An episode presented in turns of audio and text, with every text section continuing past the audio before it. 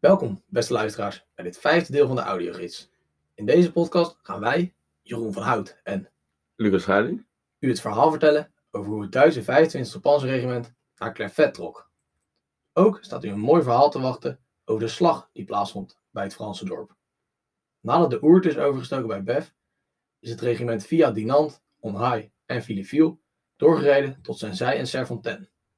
Hier kwamen de heren van het 25e regiment aan laat in de avond van 15 mei.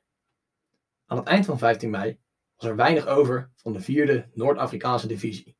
En ook de Franse 1e Panzerbrigade had in Flavion veel van hun motoren en Charge B1 verloren. De Franse 1e Panzerbrigade was een deel van het 9e leger, dat onder leiding stond van generaal Corap. De Franse generaal was tot nu toe veel van zijn manschappen kwijtgeraakt aan de Duitsers, want Erwin Rommel, zijn 7e divisie, was op stoom. Nu, slechts zes dagen later, zaten de mannen van het 25e regiment al meer dan 100 kilometer diep in vijandelijk territorium. En in de komende dagen zouden daar nog vele kilometers bij komen. Ja, precies.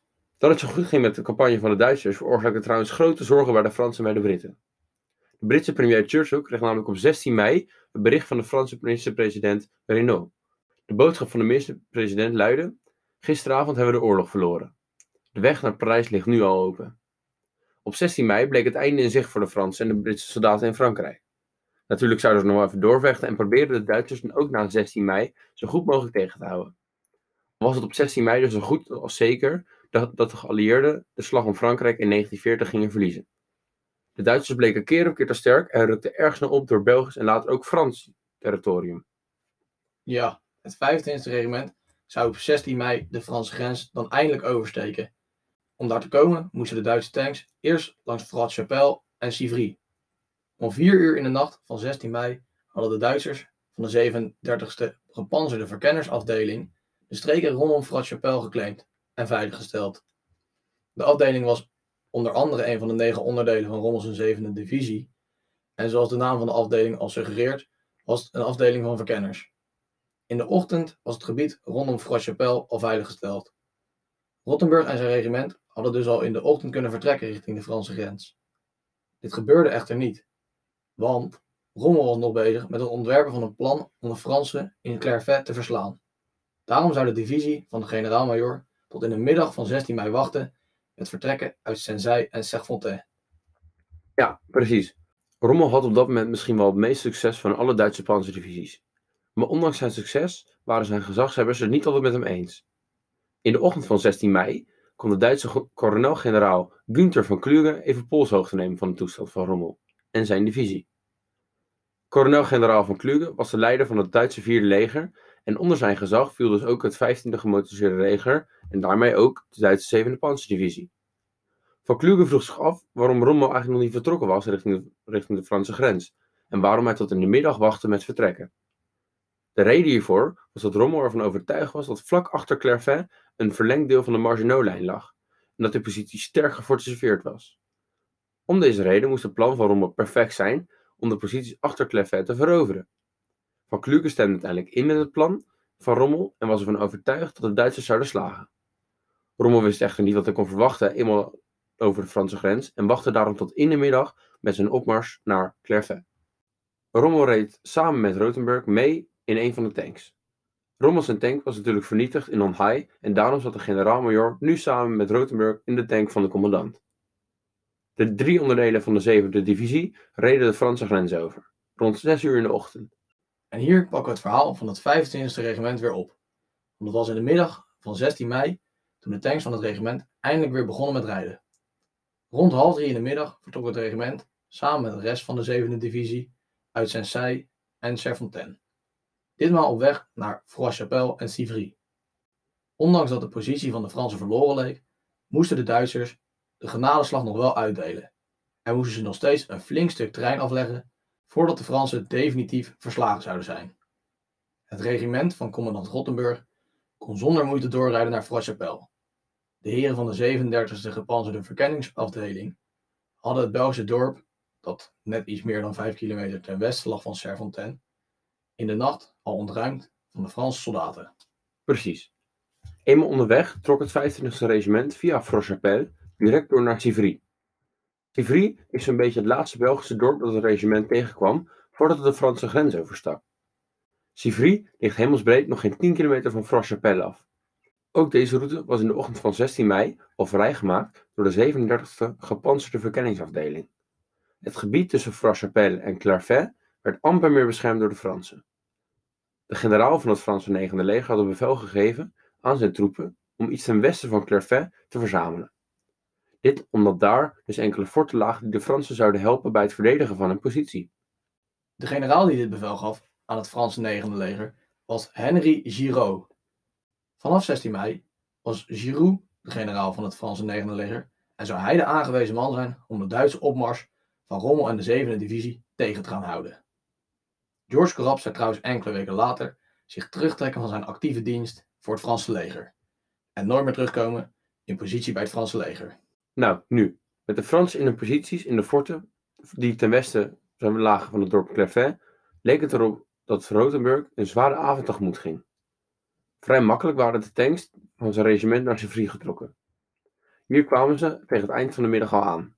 Nadat iedereen verzameld was in Sevrie, was het tijd voor de divisie van Rommel om de Maginot-lijn te bestormen. Het plan hiervoor was als volgt. Het 25e Panzerregiment zou samen met de 37e gepanzerde verkenningsafdeling en het 7e motorbataljon de Franse grens overstreken en proberen de Franse forten die ongeveer 2 kilometer achter de grens lagen uit te schakelen.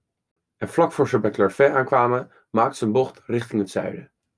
De Duitsers waren gewaarschuwd dat er wel eens veldpijnen konden liggen op de wegen naar en door het dorp, en dus trokken Rommel en zijn troepen veilig om het dorp heen.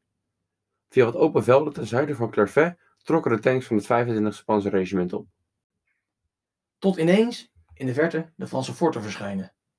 Een van Rottenburg, zijn tankbevelhebbers, wiens naam helaas nergens vermeld is, omschreef de situatie die zich toen afspeelde als volgt.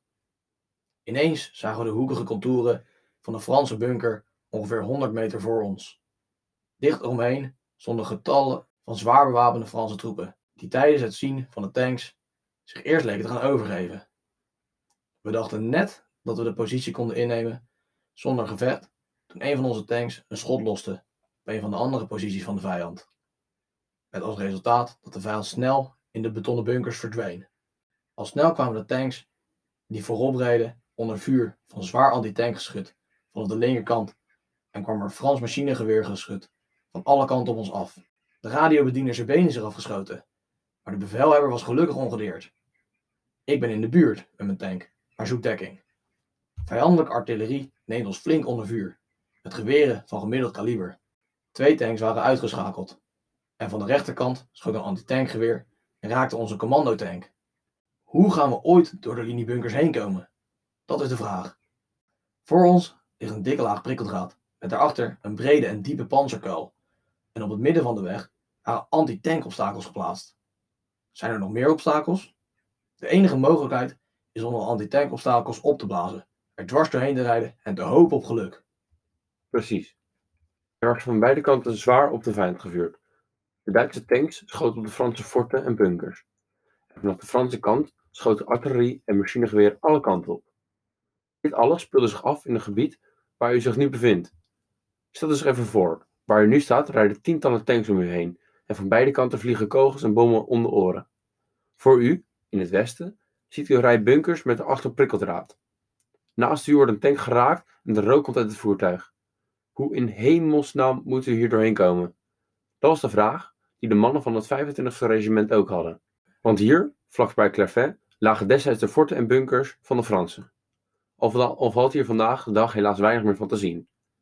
Menig geschiedenisliefhebber zal het zonde vinden dat de historische sensatie vandaag de dag niet meer te zien is en dat de forten en bunkers bij Clairvaux zijn weggehaald. Het is lastig in te beelden hoe het zich destijds eruit zal hebben gezien. Echter zijn in een van de bijlagen enkele foto's te vinden van de rij forten die er in 1940 nog lag. Een rij van 10 kilometer lang, vol met gefortificeerde posities, met daarachter prikkeldraad en obstakels. Deze obstakels worden de Tsjechische egels genoemd. In de bijlage is een foto te vinden van het obstakel en bedoeld was om de tanks tegen te houden. Uiteindelijk lukte het wel om voorbij de lijn forten te komen. Een aantal monteurs en soldaten slaagden erin om het obstakel te vernietigen. Ze werden gelukkig voor hen beschermd door het rookscherm. De soldaten van de verkenningsafdeling en de heren van het motorbataljon handelde af met de bunkers, door granaten naar binnen te gooien en de Fransen zich over te laten geven. Ja, deze Tsjechische egels die je net inderdaad eh, genoemd hebt, dat waren inderdaad eh, een soort eh, metalen of betonnen, ja, hoe zeg je het uit, soort stekels. Ja. En die werden in eh, heel Europa op dat moment eigenlijk gebruikt als een soort defensielijn en antitanklijn, omdat de tanks er eigenlijk met moeite doorheen konden rijden. En ook als ze beschoten werden, ze simpelweg omrolden en nog steeds heel goed werkten als obstakel. Ja. Eh, ook bekend eh, zijn de beelden van Die idee, ja. Ik zat er ook die nog inderdaad, ja, daar lagen ze ook verspreid over de Franse stranden. Ja. Dus waarschijnlijk heeft u ze al wel eens gezien. Nu de obstakels uit de weg waren, reden de Duitsers snel door. Op weg naar Aven. Rommel schreef over dit alles het volgende in zijn dagboek. Meerdere boerderijen in Clairvaux en even verderop in het westen stonden in de fik.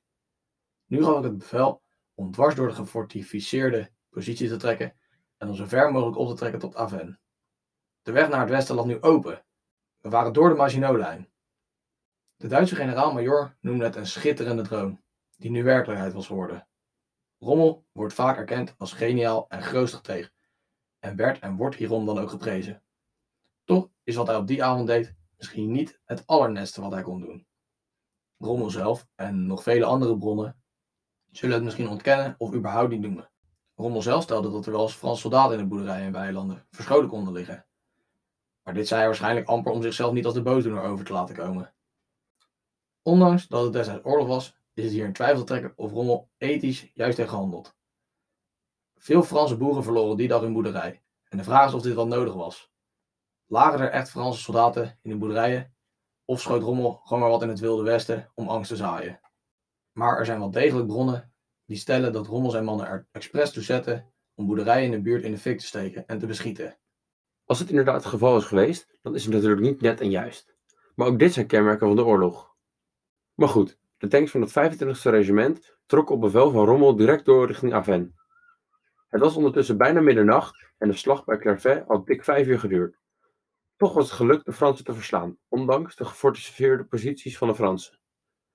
De tanks trokken in het diepst van de nacht langs de, langs de brandende boerderijen en werden vergezeld door de heren van het 7e motorbataljon, waarvan veel troepen nu te voet verder trokken.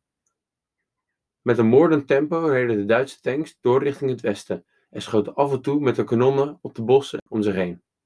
Dit om de Fransen die er nog mogelijk verscholen lagen af te schrikken. Er waren dan ook zekers nog enkele Franse troepen in de buurt, die af en toe met de machinegeweren en antitankgeweren op de Duitse troepen en tanks schoten.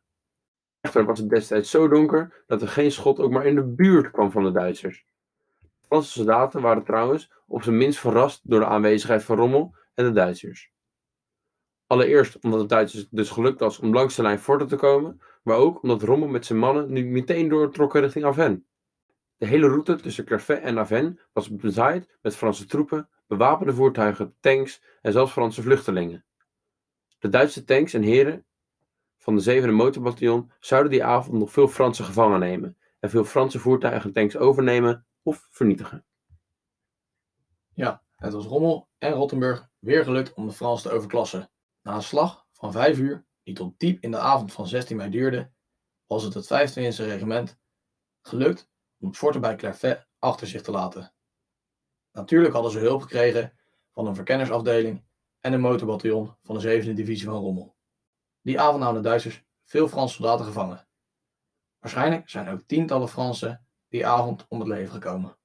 De Duitsers verloren daarentegen slechts vier man en er raakten er 16 gewond. Een van de gewonden was een van de radiobedieners die zijn been verloor die avond. Henry Giraud, zijn eerste avond als nieuwe generaal van het Franse 9e leger, was er zeker niet één om te herinneren. De Franse forten bij Clairvaux, die de Duitsers hadden moeten stoppen, waren vernietigd of ontruimd van de Fransen. Nu trokken de Duitse tanks snel door richting Aven. Op de route zouden de heren van het 25e regiment al snel Franse tanks en troepen tegenkomen. En ook in Aven zelf raken de Duitsers in een slag met de Fransen. Maar hoe dit eraan toe zou gaan, zullen we u pas vertellen als u op het aangegeven punt staat in Aven. Dit is het einde van deze podcast en we spreken u uiteraard weer in de volgende podcast. Auf Wiedersehen.